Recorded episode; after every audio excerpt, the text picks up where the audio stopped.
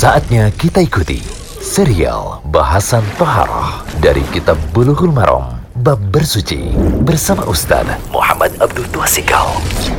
Alhamdulillah, salatu wassalamu ala rasulillah wa ala alihi wa sahbihi wasallam. Kali ini kita berada di audio ke 85 dari pembahasan kitab Bulughul Maram, kitab Tohara, masih tentang pembahasan haid. Masih seputar wanita istihadah lagi. Ini di hadis ke-139. Wa fi hadisi Asma binti Umais. Inda Abi Dawud.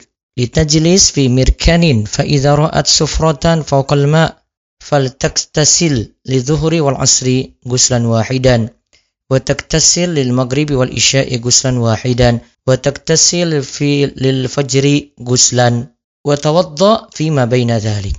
Dalam hadis Asma binti Umais yang diriwayatkan oleh Abu Dawud disebutkan hendaklah dia duduk dalam suatu bejana air jika dia melihat warna kuning di atas permukaan air itu berarti darah istihadah.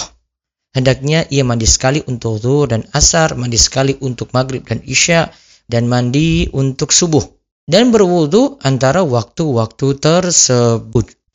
Hadis ini riwayat Abu Dawud. Hadis ini mengalami kritikan, lihat Mina al-Lam fi syarah bulughul maram. Kesimpulannya hadis ini jadi dalil bahwa wanita istihadah diperintahkan untuk sekali mandi untuk dua waktu sholat, zuhur dan asar, lalu maghrib dan isya. Jadi mau kerjakan zuhur dan asar itu satu kali mandi, maghrib dan isya satu kali mandi. Juga untuk sholat subuh sekali mandi. Kemudian sholat zuhur dikerjakan pada akhir waktu, jadi mepet dengan waktu asar, ini namanya jam asuri ya. Lalu sholat asar dikerjakan pada awal waktu. Hal ini sama diterapkan untuk sholat maghrib dan isya. Pendapat ini dianut oleh sekelompok sahabat dan tabi'in, namun yang lebih tepat adalah mandi dilakukan ketika telah selesai haid saja. Dengan sekali mandi. Ya, setelah selesai haid saja, dengan sekali mandi. Jadi bukan setiap kali mau sholat ketika istihadah, kemudian mandi untuk zuhur dan asar atau maghrib dan isya.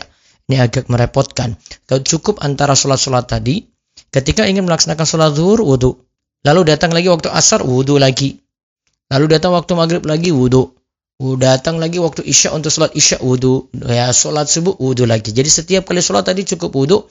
Namun kalau mandi, ya, di sini yang lebih tepat tidak perlu, ya, yang ada setiap kali kerjakan sholat cukup berwudu saja.